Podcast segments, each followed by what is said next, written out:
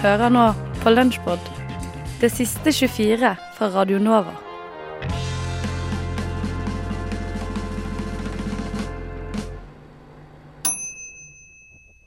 Ja, ja, ja. Frank Black, eh, Los Angeles, fra det der eh, soloalbumet hans.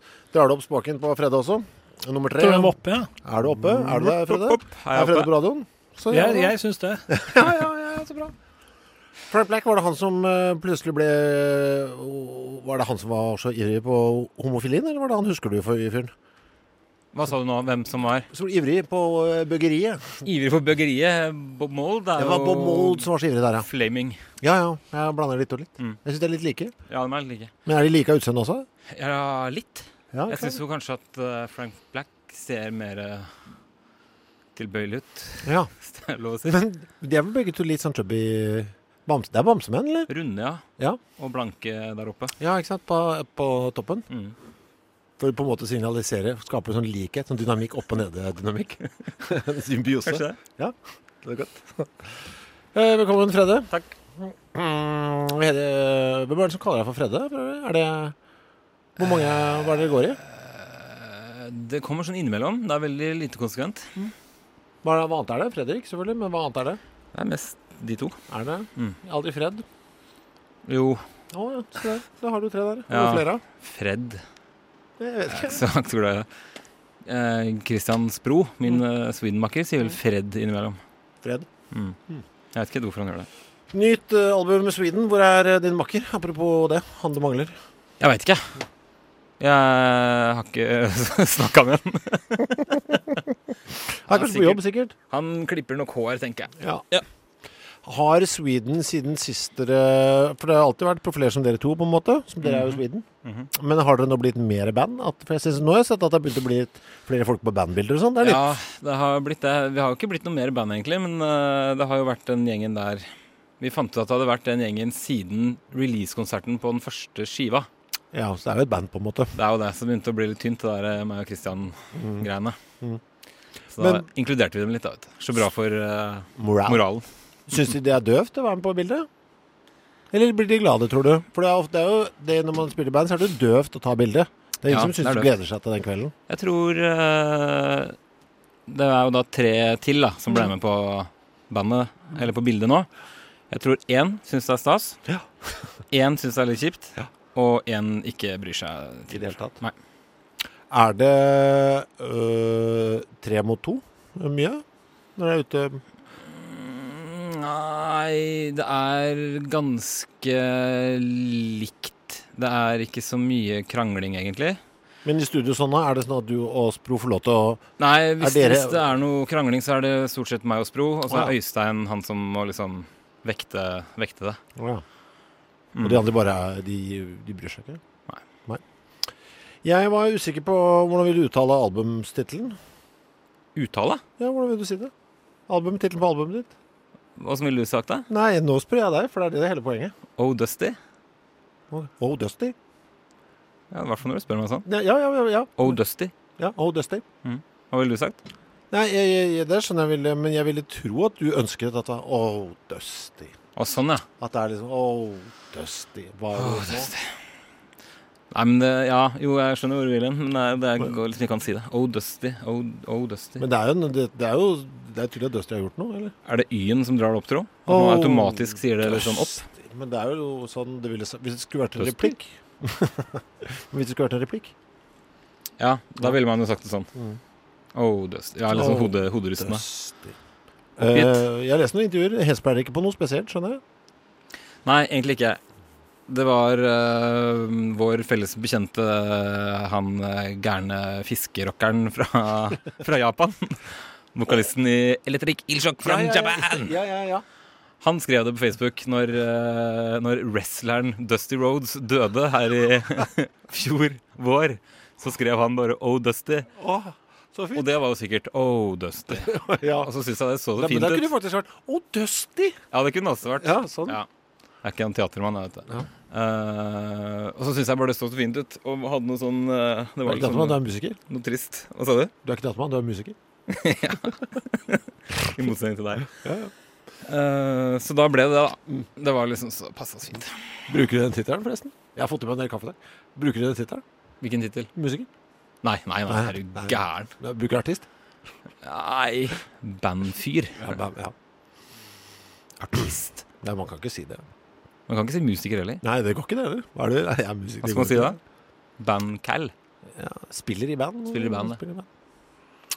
Eh, jeg ba deg om å velge tre låter fra albumet Mm. øh, her. Og jeg ble jo faktisk veldig glad for at du valgte låt nummer én, låt nummer to og låt nummer tre. De kom også til meg på en SMS i den rekkefølgen. Ja, men det maste så fælt. Og så tenkte jeg For to av dem er jo to singler, da. Så det er jo litt logikk. Ja, Og da er kunne man jo liksom sånn- like gjerne fortsette med nummer ja, tre. men det er ikke noe sånn ønske når du først starter apparatet. Kanskje få spille litt av de andre, da, de som ikke har spilt så mye. Nei. Kan to, du kan, du kan se på det på to måter. Ja, Enten må man liksom pushe singlene, ikke sant? ja. Eller så kunne man jo valgt noe annet. Men Eh, eh, faen. Men den uh, åpningslåta har ikke blitt singel ennå, eller? Oh Dusty tenker du på, eller? Ja. Oh Dusty. Jo da, den er lista på P3 nå, den. Er det sant? Ja. Faen, så deilig. Det renner jo tonoen inn. Ja. Du som får den? Nei. Nei. Er det Spro sin? Oh Spro. Oh, spiro. Jeg har, eh, jeg har en del spørsmål eh, tilknyttet bl.a. blant annet lyrikken på denne. Oh Dusty. Mm. Ja. Er det du som har skrevet den? Nei, det er ikke det. Jeg kan gjøre så godt jeg kan. Ja. Du har, du har noe med Skriver man tekstene til sine egne låter? Skriver tekster til sine egne låter. Mm. Og den gangen her er faktisk låtskriverfordelinga helt 50-50. Det tror jeg er første gang. Hva har den vært tidligere? 70-30, 60-40, 50-50. Så det er jeg som spiser meg innpå her. Ah, for det er Spro som har levert mest tidligere. Mm. Eh, Sweden. Oh, Dusty.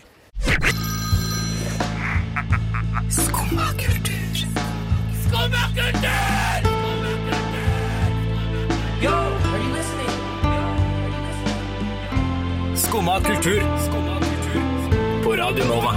FM 99,3.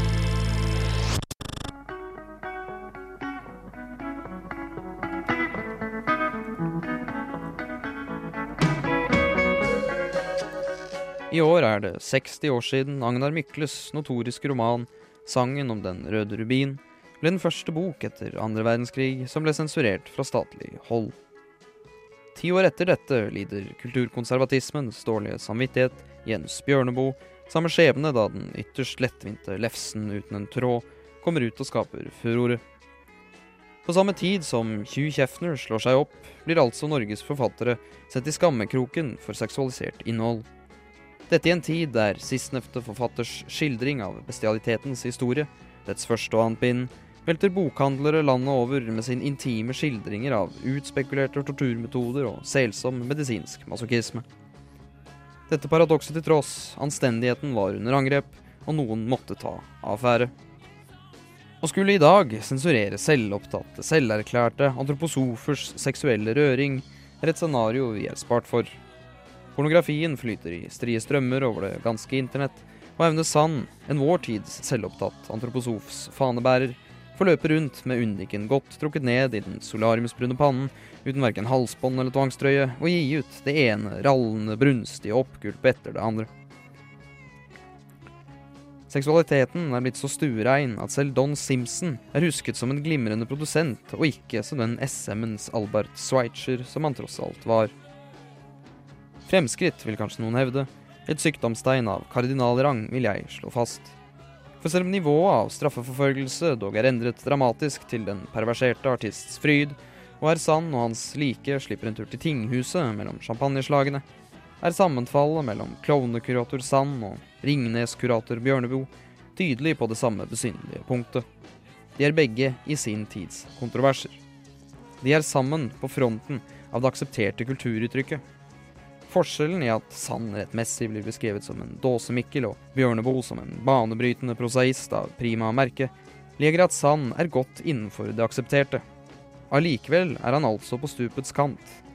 Dette merkverdige paradokset burde sende isninger gjennom alle kulturelle nervetråder man måtte ha. For der Bob Dylan stakk blomster ned geværløpet på soldater, og Mohammed Ali tok sin tørn bak murene fremfor å ta livet av det demoniserte Viet Cong, velger våre såkalte samfunnskritiske kunstnere i dag å gripe dagen ved å angripe den svakeste delen av proletariatet. Det bitre skummet i kommentatorfeltet er blitt folkefiende nummer én. Og blir statens kulturstipends mottakere tråkket på tærne, er Aftenposten på pletten med varm kakao og dugelig med plass til et politisk korrekt og fornærmet innlegg rettet mot haterne og Kjetil Rollnes. Så gir Haja Tajik sin støtte, og det er mye lys og varme igjen. 68-erne og Blitz er altså byttet ut med generasjon kronikk. Storebror har i dag kameraer på hvert gatehjørne, og karikaturtegnere blir forsøkt drept med metoder Bjørneboe ville nikket anerkjenne til i sitt kruttårn. Likevel er det fortsatt Winston Smith og Bernard Marx som er våre kulturelle frihetskjempere. Kristoffer Nielsen har gått under jorden, og Kristoffer Schou syter over eget liv på podkast. Heltene er trette, men ingen virker å ha merket det. Ja vel, så er det sikkert bare å dø, mine damer og herrer, men tør da for guds skyld å skyte det totalitære uten ryggdekning. Når ble det viktigste for våre artistiske helter å lage tropisk house? Uttrykket 'vi har det for godt' har alltid slått meg som det mest irrasjonelle fjaset utbasunert av forsmådde landsbyggere i de tusen eldresenter. Men når P3 Morgen er blitt ungdommens underholdningsfyrtårn, så er jeg ikke så sikker lenger. Håkon Lie, folkens, var 103 og friskus. Peace for our time, sa Neville Chamberlain i 1933 før bombene falt. Dessverre virker Kulturpartiet i dag å ha tatt han på ordet.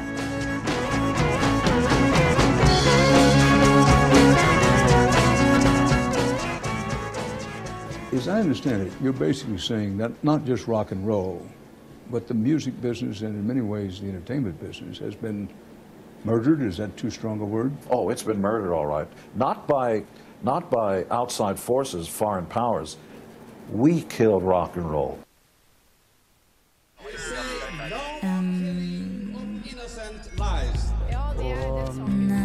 Knaggen. Emneknaggen. Studentenes debattprogram på Radio Nova. Uh, Emneknaggen i Nyhetsfredag. Lokalt, nasjonalt, internasjonalt. Nyhetsfredag. Eh, Katrine, du går jo førsteåret på sykepleierutdanningen på Høgskolen i Oslo og Akershus. Som forresten er invitert til studio i kveld, men de kunne ikke komme. Du har skrevet eh, en kronikk i Aftenposten eh, for en kort stund siden, eh, hvor du skriver opple at opplevelsen har vært en delt fornøyelse. Eh, hvorfor skrev du kronikken, og kan du fortelle om denne delte fornøyelsen? Ja, eh, Kronikken skrev jeg fordi det var akkurat da på, det pågikk en eh, debatt i Aftenposten. Eller de hadde en reportasjeserie hvor de avslørte at sykepleiere, ferdig utdannede sykepleiere hadde store hull i den praktiske delen av sykepleierne. Altså den utøvende delen. Sette kateter osv. Og, så og i Klassekampen parallelt så gikk det også en eh, reportasjeserie eh, der eh, eh, veldig mange uttrykket bekymring for hvordan de gamle profesjonsfagene ble for teoritunge. Eh, og at håndverket liksom forsvant. Eh, og så i forbindelse I Aftenposten så var det et svar fra en sånn departementsråd om hva de skulle gjøre med at uh, sykepleiere var uh, såpass dårlige til å utøve det praktiske delen av yrket sitt. Og da svarte hun flere mastere. Og da så jeg rødt. For jeg tenkte at enda flere mastere er ikke svaret på det. Jeg, jeg må bare si med en gang, jeg er ikke imot mastere på sykepleiere. Men jeg tenkte at flere mastere er ikke øh, løsningen. Jeg, jeg har jo jeg har vært eh, anmelder i 25 år, eh, og journalist for så vidt. Så jeg har begynt ganske sent. Delt fornøyelse. Jeg må bare si at det er jeg er utdannet idéhistoriker. Jeg har hovedfag i det, så jeg har gått på Blindern i gamle dager. Eh, og, og den ene ja, første halvåret, ni månedene på sykepleierskolen, jeg har aldri vært borti så mye dårlige forelesninger, eh, dårlige forelesninger, dårlige pensumbøker, eh, og kanskje aller verst, da, en sånn påfallende Ikke sant, vi har anatomieksamen som alle gruer seg for, og det er eh, eh, 50% stryk på den til jul. Jeg har ikke strøket, så det er ikke derfor jeg skrev. Men uh, istedenfor å kjøre på de rent praktiske og mer sånn medisinske eller sånn faktafagene i første året, så er det stort sett det vi har holdt på med, oppgaveskriving, etikk, kommunikasjon. Eh, og jeg er heller ikke mot etikk, men det er en sånn eh, teorityngde som er ganske absurd. Og så syns jeg veldig mye av det er nokså dårlig, rett og slett. Altså det er sånn kvasiakademisk. Det må jeg bare si, og da fornærmer jeg sikkert eh, foreleseren i Trondheim, men han kan jo bare svare. Jan Tore, du har jo skrevet en eh, slags kommentar til Katrines kronikk i Sykepleien. Hva er det du reagerer på? Nei, for det første så Jeg kan ikke ta opp det som eh, går direkte på Høgskolen i Oslo og Akershus om eh, påstanden om at det er dårlige forelesere. For jeg kjenner jo ikke de foreleserne. Jeg kjenner jo bare lærere fra Oslo og Akershus som deler profesjon med meg, altså som eh, er operasjonssykepleiere. Mm. Så det kan jeg jo ikke ta. Nei. Eh, Jeg kan heller ikke svare på det, men jeg kan svare rent generelt. Så jeg reagerte jeg på eh, For det første så tenker jeg at ja vel, her er altså en førsteårsstudent som får sette hele samfunnsdebatten, slipper til i riksdekkende media for å fortelle hvor dårlig sykepleierutdanningen er, istedenfor å se på det at dette er et modningsfag. Eh, Vet, er det noen andre fag hvor man vil slippe til en student etter et halvt år til å hvor dårlig dette er? Det er et spørsmål. Ja. Kan jeg få svare på det? Dette- Det skal jeg ikke svare på. Men så må man da se på Eh, Jeg vil gjerne er- svare på det. Jeg vil gjerne få lov til å si noe Ja. mer. Så må man se på hva Ja, du kan svare etterpå, Katrine. Hva er sykepleierstudiet? Jo, det er et generaliststudie. Og Det betyr at det er et treårig studie som skal kvalifisere på en hel rekke områder. Eh, Og Rammeplanen for sykepleierstudiet den skiller mellom det som heter handlingskompetanse, altså det du skal kunne når du er ferdig, og handlingsberedskap. Dvs. Si de plassene hvor du skal kunne ta imot veiledning og opplæring på arbeidsstedet for å fungere. Eh, Når det gjelder anatomi og fysiologi, som er en ganske stor del, så er det faktisk hele eh, skal vi se, det er faktisk eh, 45 studiepoeng. Og det er veldig mye. Eh, 45 studiepoeng skal vi se. Det skal være 30 ukers eh, i løpet av studiet som skal gjøre det. Og hver uke skal ha 20 timer tilrettelagt undervisning og 20 timer selvstudium. Dvs. si 40 timer i uka studium. Og det vil si at I løpet av sykepleierstudiet skal du ha 1200 timer studium på skole, tilrettelagt, og selvstudium. Og Det er ganske mye, tenker jeg. Og Det viser vel at det er høye ambisjoner om at studentene skal kunne mye. Men det stiller også stor krav til egeninnsats. Kan jeg få svare nå?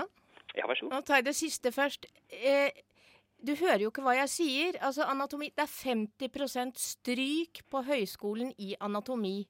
Eh, Høgskolen i Oslo og Akershus, ja. I Høgskolen i Oslo og Akershus. Det er 14% stryk f.eks. på Lovisenberg. Men jeg vet på, på Diakonhjemmet også, så sliter de med høy strykprosent. Ja. Eh, da må jo lærerne tenke her gjør vi noe galt. For det er jo ikke sånn at halvparten av de som kommer inn på sykepleie, eh, har problemer med å komme inn på sykepleie. Altså, de er, det er vanskelig å komme inn. De er jo ikke tjukke i huet, og de leser. Eh, problemet hos oss er jo at anatomiforelesningene blir holdt av en lege.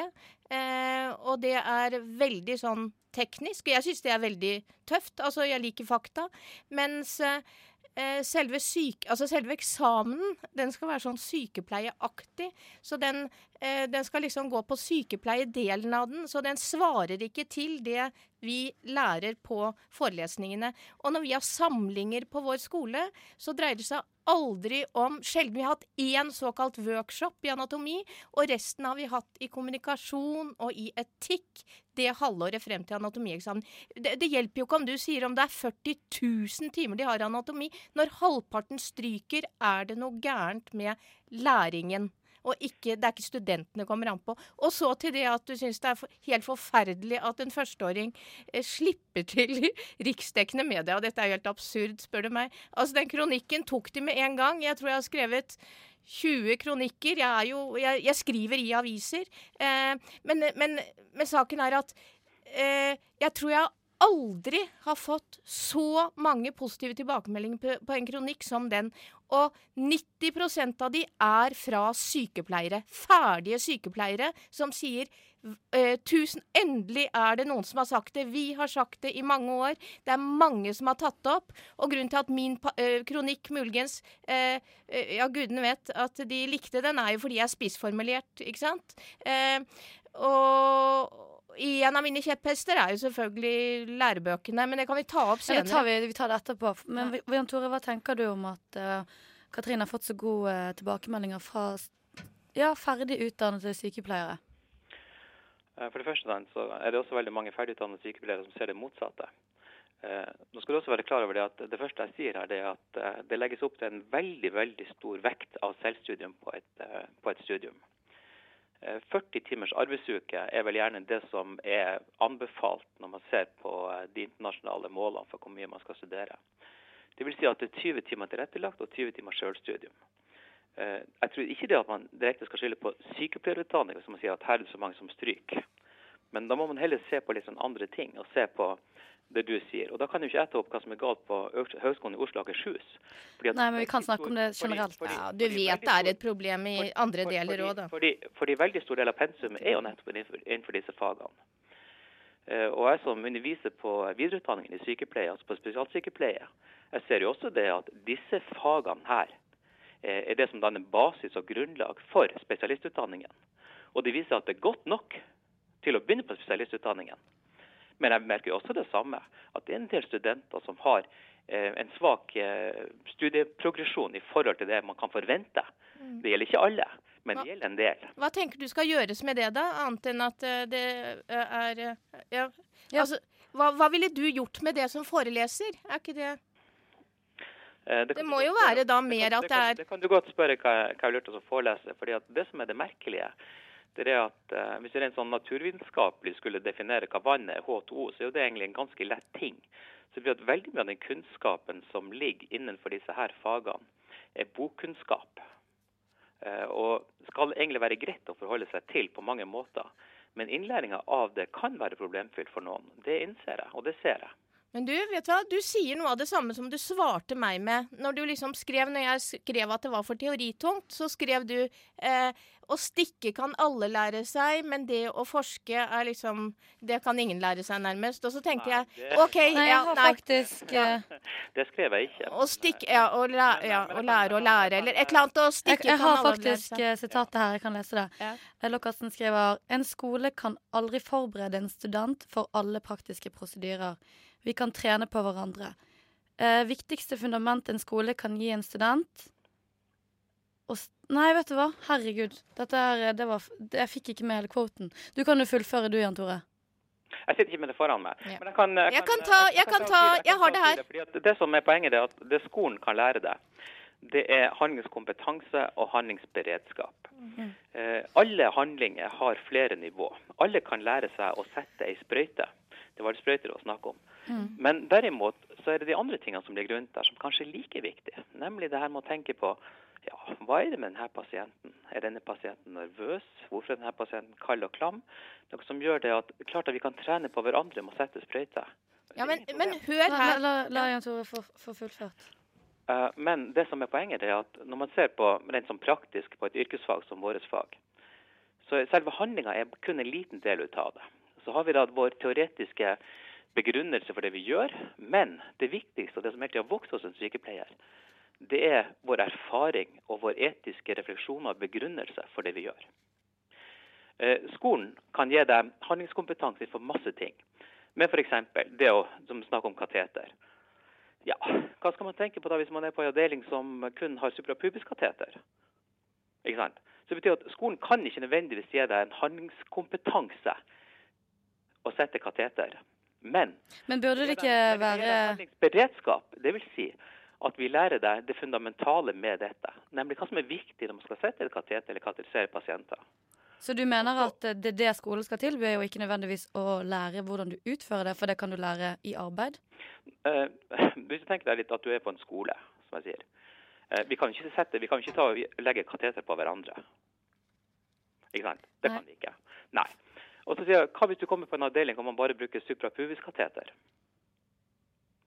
Altså det vil si kirurgisk kateter som er plassert inn i huden over, eh, over pubis. Altså Dette blir jo veldig veldig Ja, det blir veldig, ja, det Men, veldig, men kan jeg få lov å svare? Ja. Og Det betyr det at det skolen kan lære deg, det er handlingsberedskapen. Det vil si at det vi kan trene på på skolen, det er de aseptiske prosedyrene, og lære deg hvorfor det er så viktig å bevare sterilitet når man er på et sykehus, og hvorfor man kan bruke ren katetrisering når man er hjemme. Men Lockhartsen, utgangspunktet for hele debatten er jo bekymring over at sykepleiere ikke er gode nok sykepleiere ute i felten. Vet du hva, jeg var i praksis. Der var det en av nattsykepleierne.